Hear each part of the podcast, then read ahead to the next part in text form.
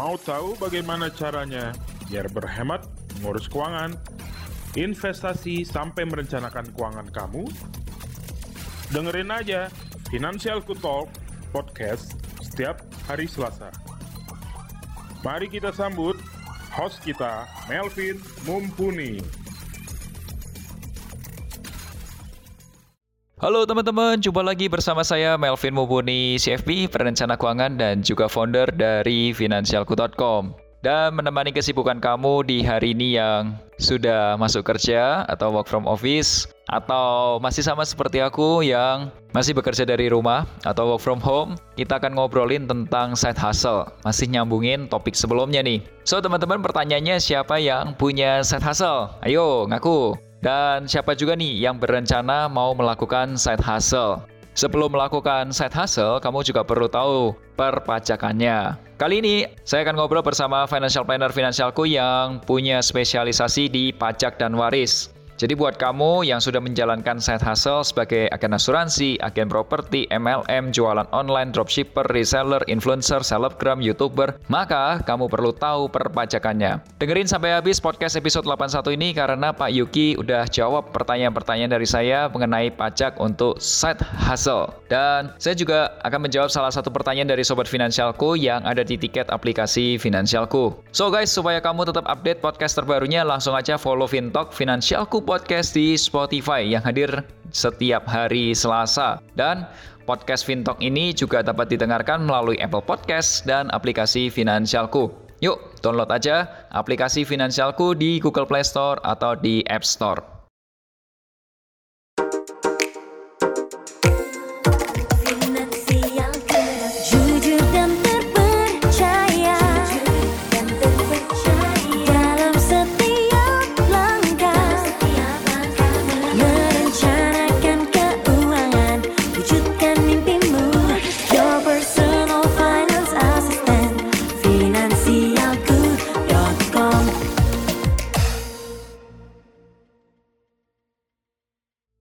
Sebelum bahas lebih detail, Sobat Finansialku dapat mengirimkan pertanyaan atau curhat keuangan melalui fitur konsultasi keuangan di aplikasi Finansialku.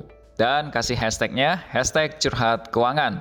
Salah satu curhatan kali ini kita membahas, Halo Komelvin, Komelvin saya RD dari Jakarta. Sekarang ini saya ingin menjalankan usaha sampingan dan butuh dana atau modal. Apakah boleh menggunakan dana darurat untuk modal usaha?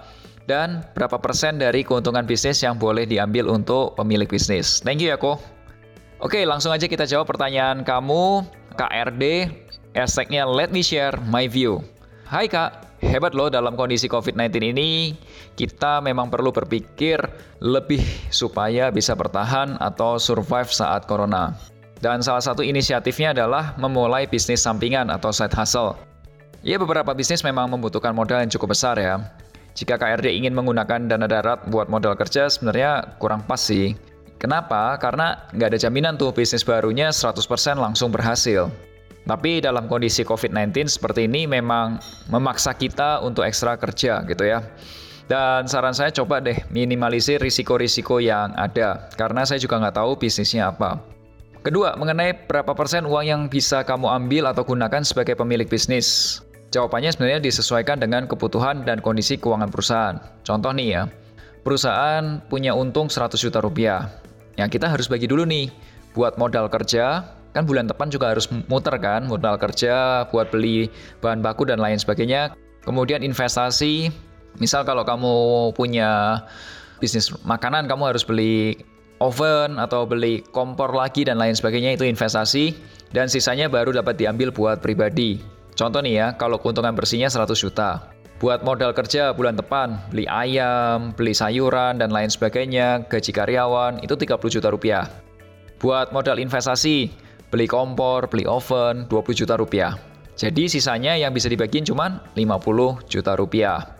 Oke, semoga penjelasan saya dapat bermanfaat dan membantu kamu. So, buat sobat finansialku, para pendengar podcast Fintalk, jika kalian mengalami kegalauan mengenai keuangan, investasi, asuransi, atau apa pun itu, Langsung aja curhat ke podcastnya Finansialku. Caranya gampang banget, download aplikasi Finansialku di Google Play Store untuk pengguna Android atau App Store untuk pengguna iOS. Terus langsung aja ke menu konsultasi keuangan. Kasih hashtag, hashtag curhat keuangan. Follow juga akun Instagram Finansialku at finansialku underscore dan thank you teman-teman karena akun Finansialku Instagram sudah kembali lagi we are back dan Instagram at Melvin underscore mumpuni untuk tahu diskusi lebih seru.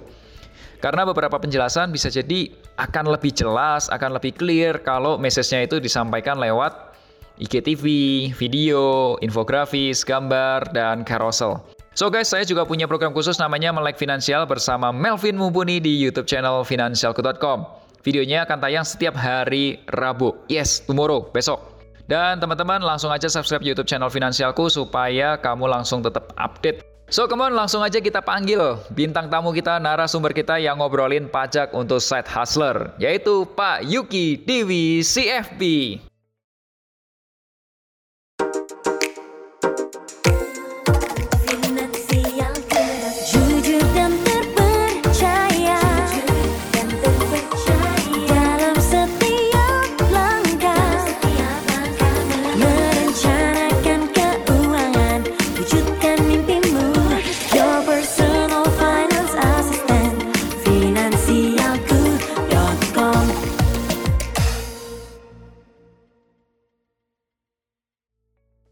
Halo teman-teman, jumpa lagi bersama saya Melvin Mumpuni CFP, perencana keuangan dan juga founder dari Finansialku.com. Kali ini saya temani oleh saya Yuki Diwinoto CFP dari Finansialku.com.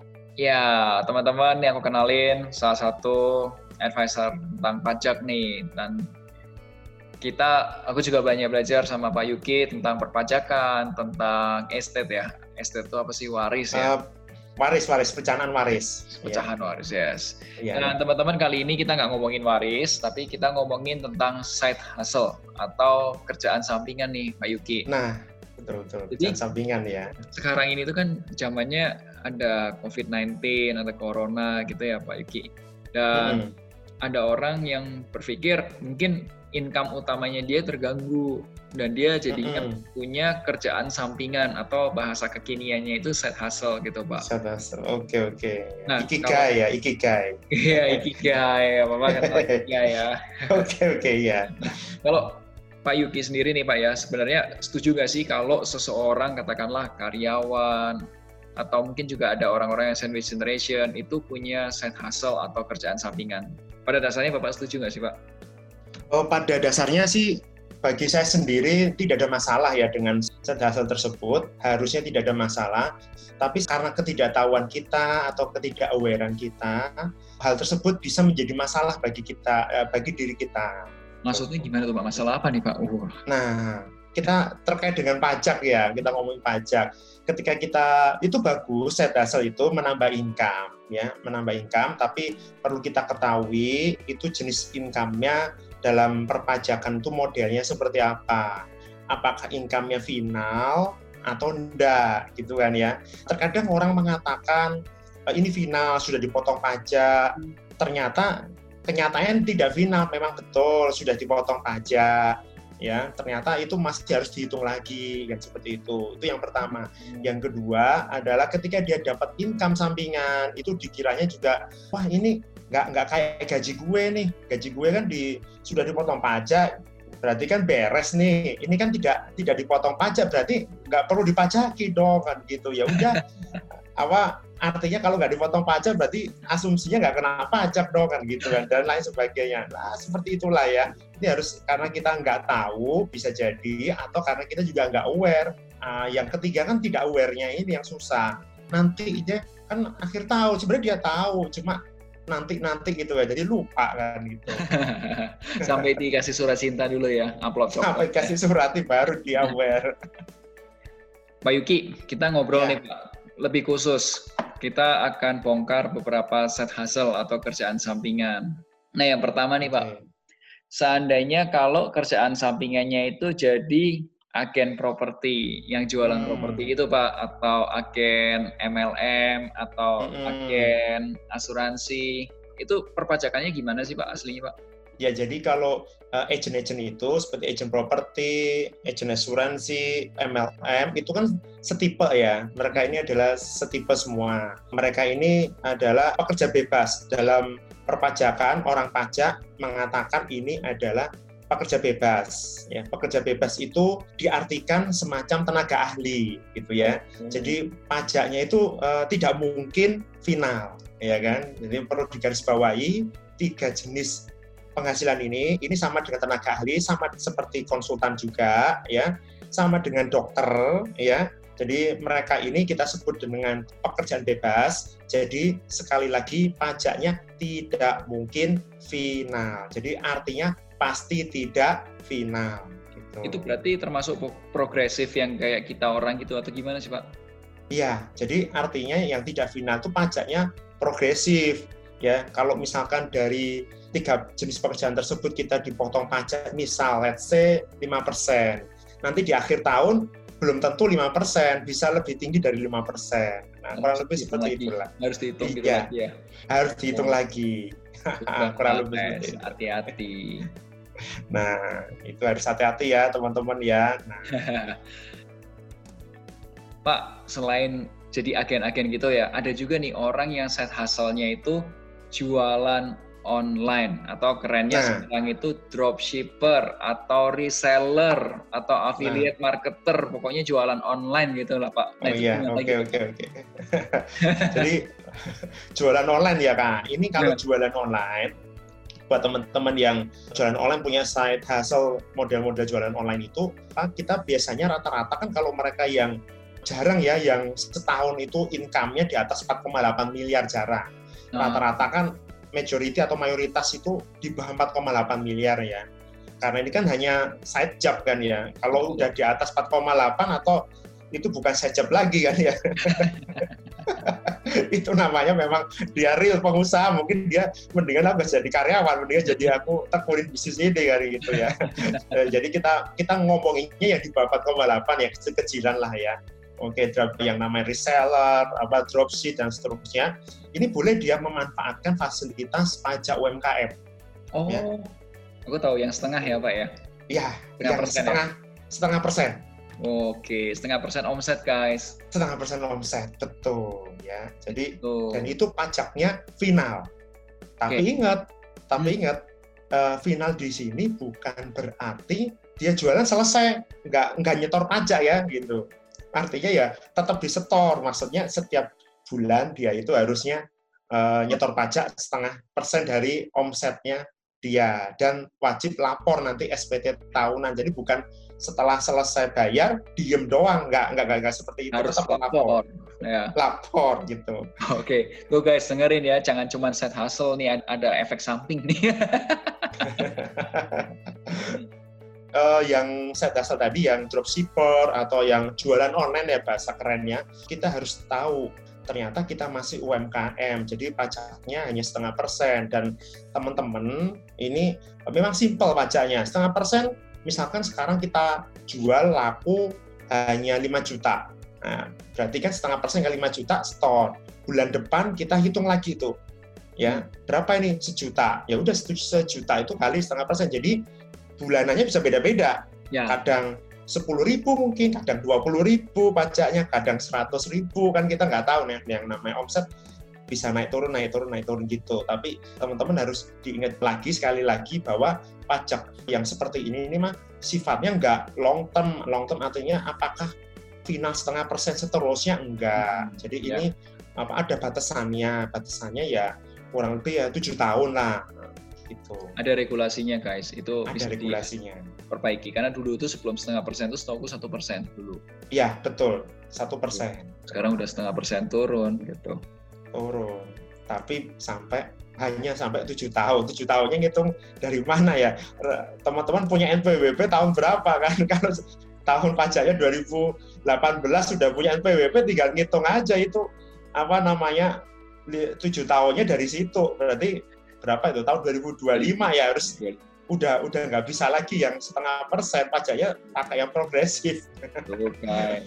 Dan ada lagi kayak gini Pak Yuki, side hustle-nya adalah content creators, jadi selebgram, jadi youtuber. Nah, itu ya banyak kalau ini ya, uh, banyak yang apa selebgram, youtuber, ya, bahasa kerennya itu influencer. Gitu. Wah influencer gila. Pak Yuki sampai ngerti influencer luar biasa. nah itu Nanti, pajakin nggak sih Pak? Nah itu sama ya sama karena kan definisi dari pajak sendiri kan ini bahasa undang-undang ya jadi nggak usah bingung ya. Jadi setiap tambahan kemampuan ekonomis. Nah jadi ketika teman-teman punya kemampuan ekonomis ya kemampuan ekonomis itu apa sih? ketika teman-teman bisa makan dan minum, artinya gitu ya. Terus punya tambahan bisa membeli aset, ya membeli aset atau menambah jumlah aset, artinya teman-teman ini ada potensi pajak di situ. Income yang buat beli aset itu ada potensi pajak. Begitu pula dengan youtuber, apa, selebgram atau bahasa kerennya influencer juga sama. Apakah itu menambah kemampuan ekonomis? Kalau jawabannya iya, ya itu ada pajaknya. Nah, cuma sponsor itu final atau enggak, Pak? Nah, pajaknya final apa enggak? Nah, ini ini uniknya, uniknya influencer ini ya, bisa final bisa enggak? Wah, gila. Terutama yang selebgram. terutama yang selebgram ini. Ya, gimana tuh, Pak? Gimana, Pak? nah, terutama yang yang main Instagram ya, IG. IG itu kan kita tahu ya, di situ ada yang main IG itu ada yang jualan, ada yang kayak artis endorse endorse yes. main endorse berarti artis dia nah. gitu kan ada yang followernya banyak ya yang ngechat banyak ternyata dia jualan oh, oke okay. Nah, jualan dropshipper ya. gitu berarti kan ini dropshipper nih marketplace nih jadi nah. IG-nya dipakai buat marketplace. Okay. Nah, kalau yang IG-nya dipakai buat artis, ya berarti masuknya bisa ke pekerja bebas tadi seperti agent-agent tadi. Nah, nah teman-teman, kalau dua-duanya iya Pak, kan ada juga tuh yang dua-duanya. Dropshipper iya, apa namanya, terus uh, endorse iya, ya berarti you kenanya dua, ya dua-duanya kena kan gitu kan. Tuh guys, jangan asal cuma nambah income, lu harus mikirin juga nih ada perpajakannya di belakangnya. Nah. nah, kayak gitu ya harus harus harus ngerti ya apa teman-teman semuanya kalau ternyata IG itu ternyata luar luar biasa nggak nggak hanya endorse ya bisa jadi marketplace kayak kadang kan ngarahin ke ini ngarahin ke Tokopedia ngarahin ke Shopee atau ngarahin Blibli dan seterusnya kan seperti itu kan tadi ini udah main marketplace ada juga yang langsung direct ini lo toko gue ya. kalau mau beli langsung aja DM dan ya, gitu ada ya. yang DM beli apa jualan tas langsung DM. Ya, Ini, langsung gitu. DM lah gitu. Nah, seperti gitu tuh. Tadi kan dia kayak marketplace, jadi uh, bisa kena yang UMKM ya. Jadi uh, kena yang setengah persen itu tadi boleh dia, tapi yang endorse endorse-nya ya pakai berarti dia artis. Kalau artis ya progresif guys gitu kan ya. Nah itu harus harus paham ya guys ya. Kalau dua-duanya iya ya dilaporin dua-duanya ada final dan enggak. Double. Buat saya rezeki adalah amanah. Setiap rezeki yang saya dapatkan harus saya gunakan sebaik mungkin dan untuk tujuan yang baik. Terkadang kenikmatan terasa sulit untuk diabaikan. Tapi ada tujuan lain yang lebih besar dan penting untuk hidupku. Hargai kerja kerasmu. Jangan sampai rezeki mulai ke tempat yang salah.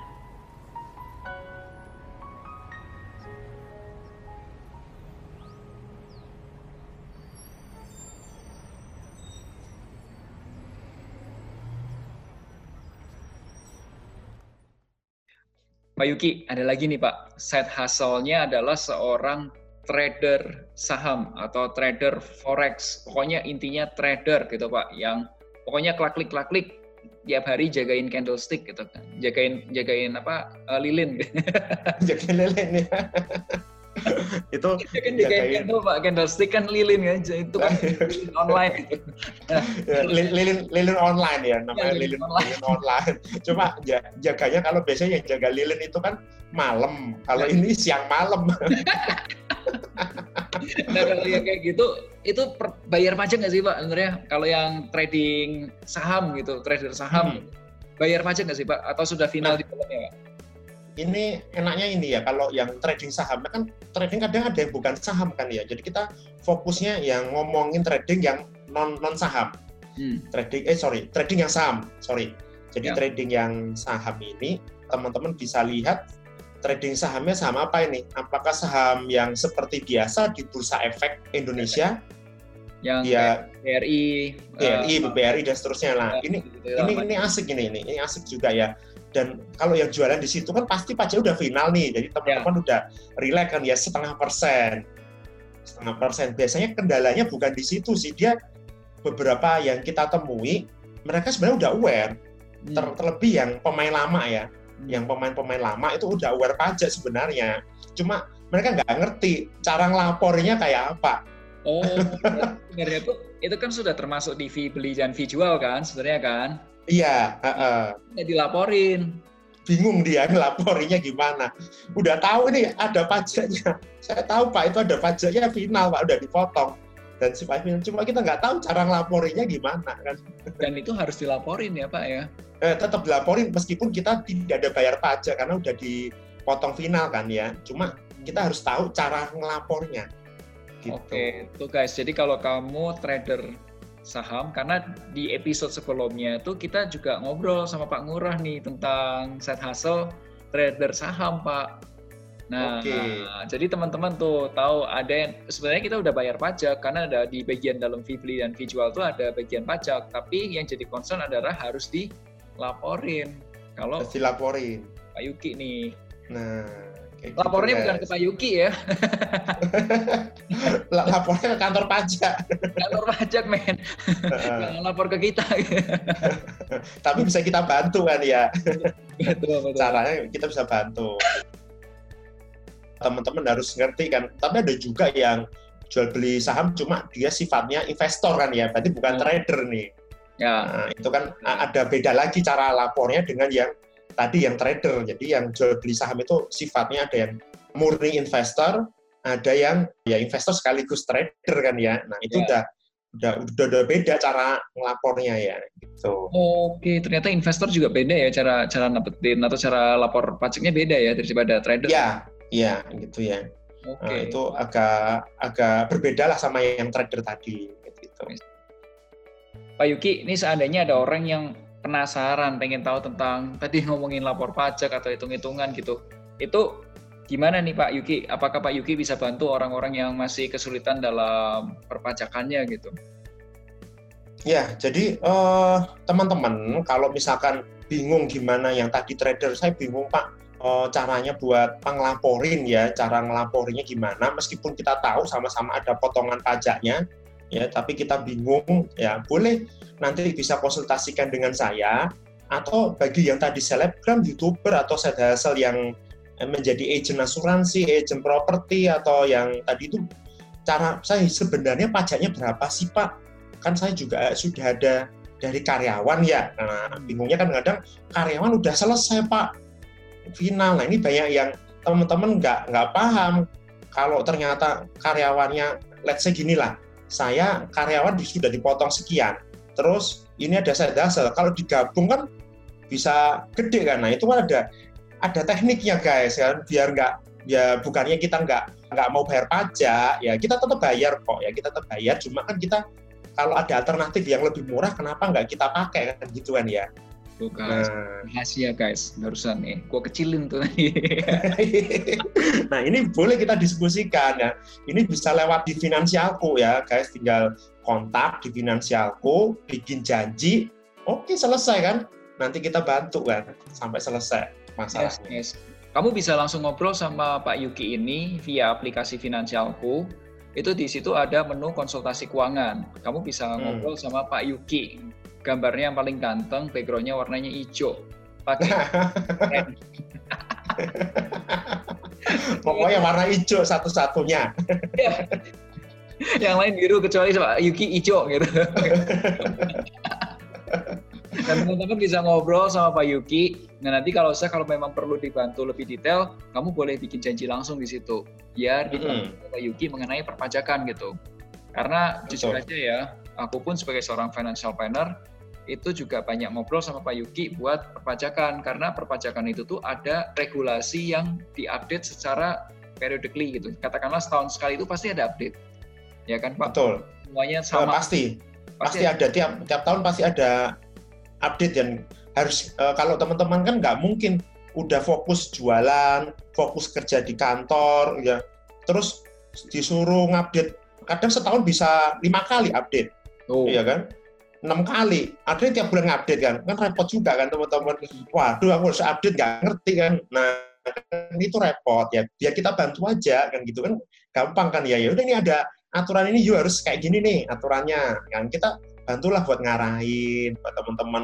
Atau kalau perlu yang mungkin ternyata kadang-kadang kan orang sukses itu kan dimulai dari kecil-kecilan iseng-iseng. Hmm. dari passion. Tiba-tiba kok bisnis aku mulai gede ya. Nah itu harus mulai itu tanda-tandanya you udah butuh seorang ini perencana pajak. Kan gitu itu udah butuh. Kalau you kayak model seperti itu tuh itu udah. Kayaknya pemikirannya ah nyantai ah biarin aja kan. Terus dia tanpa sadar kalau bisnisnya ini mulai berkembang mulai bagus itu kan bisnisnya. Wah itu yang lewat dia nyari properti udah mulai banyak kemudian atau produk insurannya banyak yang nyariin dia. Kemudian ada juga yang dropshippernya atau jualan online-nya mulai gede. Hmm. gitu kan? Udah mulai bikin PT lagi. Wah itu udah udah pusing ya. Nah ini nggak usah pusing-pusing guys. Tinggal you kontak ke aplikasi finansialku kita bantu. Kita bantu all out kok ya. Itu ya. Oh guys, luar biasa kan?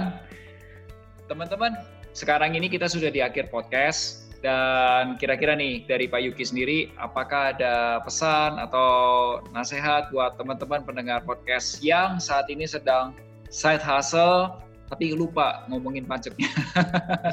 Fokusin jualannya, cari ide, ikigainya dan lain sebagainya, tapi lupa kalau ada pajak gitu. Silakan Iya. Pak Yuki.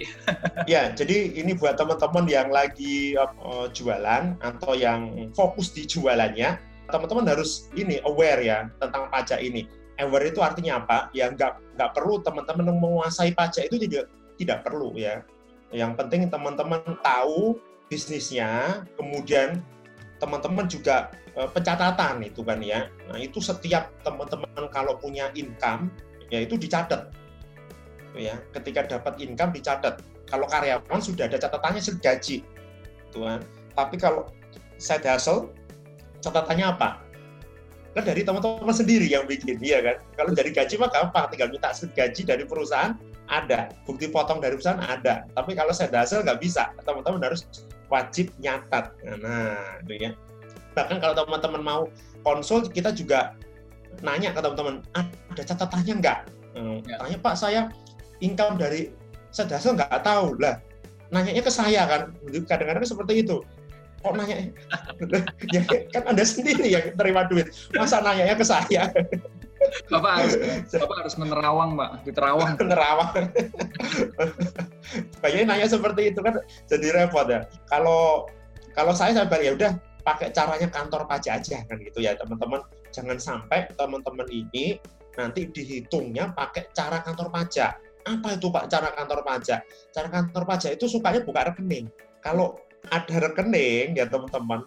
Setiap rekening in masuk ya itu dianggap income semua tuh kalau teman-teman nggak nggak ngerti apa namanya. Katanya nggak nggak inget pak income saya berapa? Ya itu yang tulisannya debit debit semua dianggap income kan repot. Nah itu itu pentingnya ya. Pak saya nggak sempat buat nyatet ya kita bantu nyatet ya di aplikasi finansialku ada gitu ya. Luar biasa. Gitu. itu, itu pesan-pesan saya aja ya. Jadi tetap fokus di ikigainya ya side hustle ya Nah, biar kita bantu teman-teman untuk ngerencanain pajaknya dengan benar sesuai aturan undang-undang itu pesan dari saya Luar biasa Pak Yuki. Thank you.